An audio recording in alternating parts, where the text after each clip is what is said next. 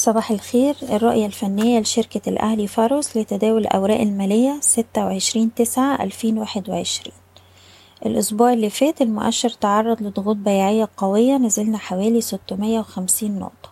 وبنهاية جلسات الأسبوع المؤشر قدر إن هو يتماسك فوق مستوى ال 10450 وقفلنا جلسة الخميس على ارتفاع عند مستوى 10642 الترجعات اللي بنشوفها هي عمليات تصحيح طبيعية جدا طول ما إحنا محافظين على منطقة الدعم الممتدة ما بين عشرة ربعمية وخمسين لحد عشرة تلتمية وخمسين.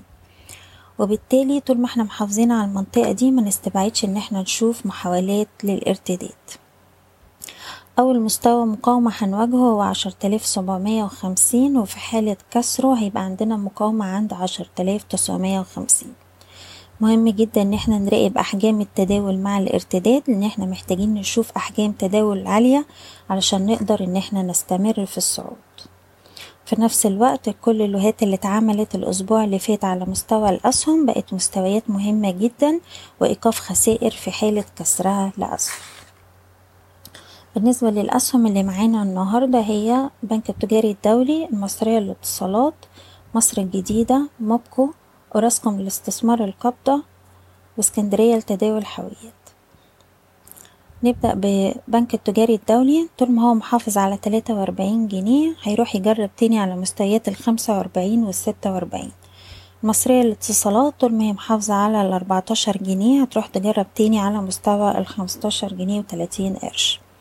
مصر الجديدة طول ما هي محافظة على مستوى الأربعة جنيه وتسعين قرش. عندنا فرصة إن إحنا نجرب تاني على مستويات خمسة ونص وخمسة تسعين.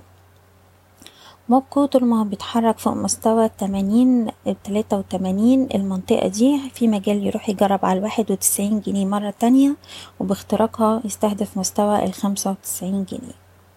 أوراسكوم للاستثمار القابضة طول ما محافظ على الأربعة وعشرين قرش في مجال يروح يجرب على السبعة وعشرين وتمانية وعشرين قرش. اسكندرية للتداول الحاويات. طول ما هو محافظ على التمانية جنيه في مجال يروح يجرب تاني على التسعة والتسعة جنيه وسبعين قرش. وبالتوفيق إن شاء الله. إيضاح الشركة غير مسؤولة عن أي قرارات استثمارية يتم اتخاذها بناء على هذا التسجيل. شكراً.